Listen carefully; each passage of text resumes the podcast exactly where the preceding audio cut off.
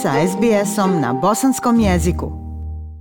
Prema Australskom zavodu za statistiku, cijene kuća rastu najbržim rekordnim tempom. To dodatno opterećuje mogućnost da se priušti kupovina kuće ili stana, jer se nastavlja ekonomski pritisak zbog pandemije covid -a. U Australiji je na prodaju 10,7 miliona stambenih objekata i oni postaju sve skuplji. Prosječna cijena stambenog prostora sada je skoro 836.000 dolara. Analitičari kažu da je došlo do još jednog skoka cijena, porasta od 18% u godini do augusta mjeseca prema izvještaju financijske kompanije CoreLogic. Ekonomski savjetnik Vardon Hogan u Džadobanci kaže da niske kamatne stope, nedostatak ponude i veća štednja domaćinstava nadječavaju lokalno tržište nekretnina. Well, the, the primary effect at the moment, um, Primarni učinak u ovom trenutku očito je tržište stanova i poskupljenje, a realnost je da niske stope i smjernice naše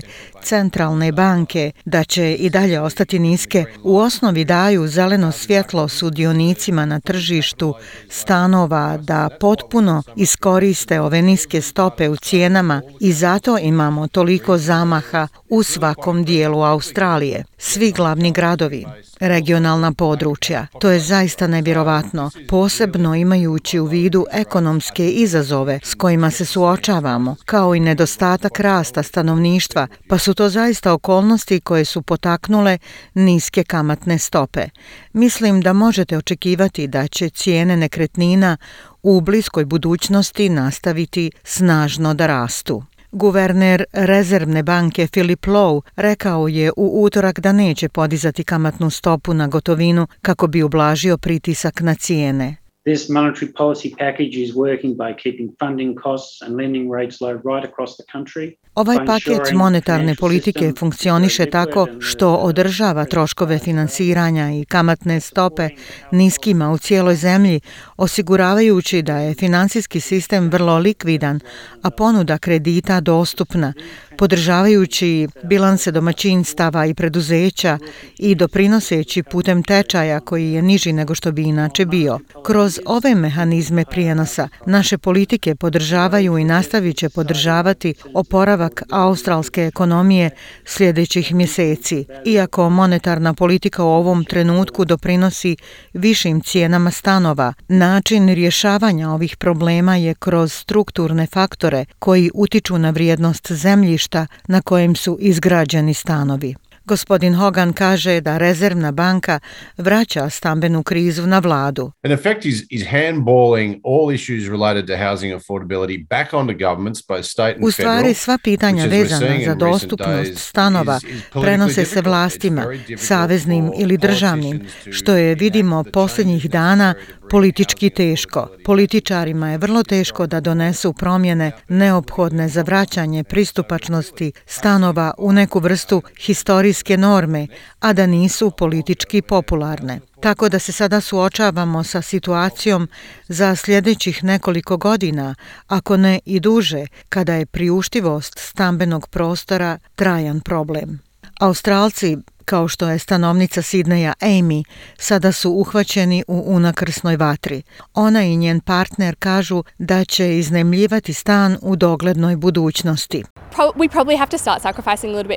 Vjerovatno moramo početi žrtvovati još više. U ovoj fazi iznajemljujemo stan da održimo svoj životni stil. Razmišljam o tome čega ću se morati odreći da bih posjedovala kuću.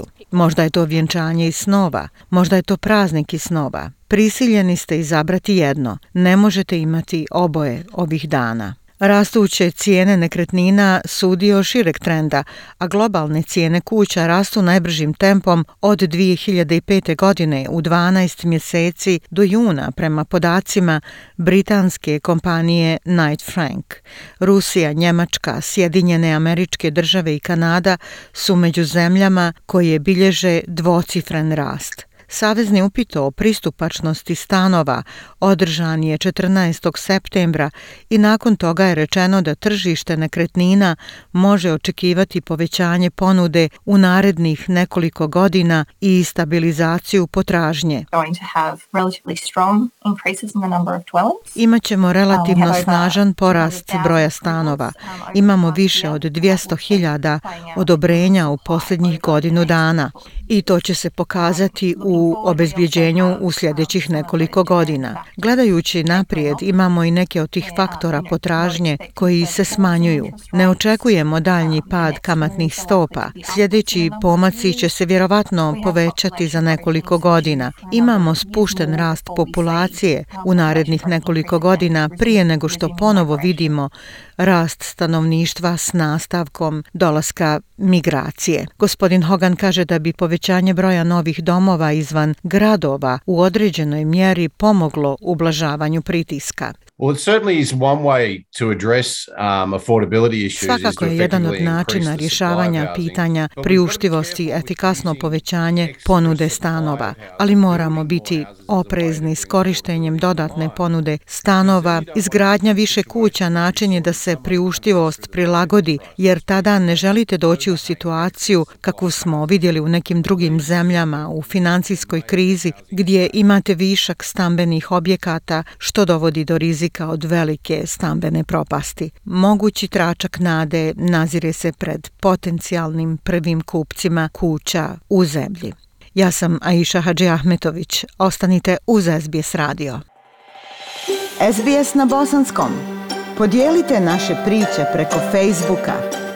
Želite poslušati još ovakvih priča?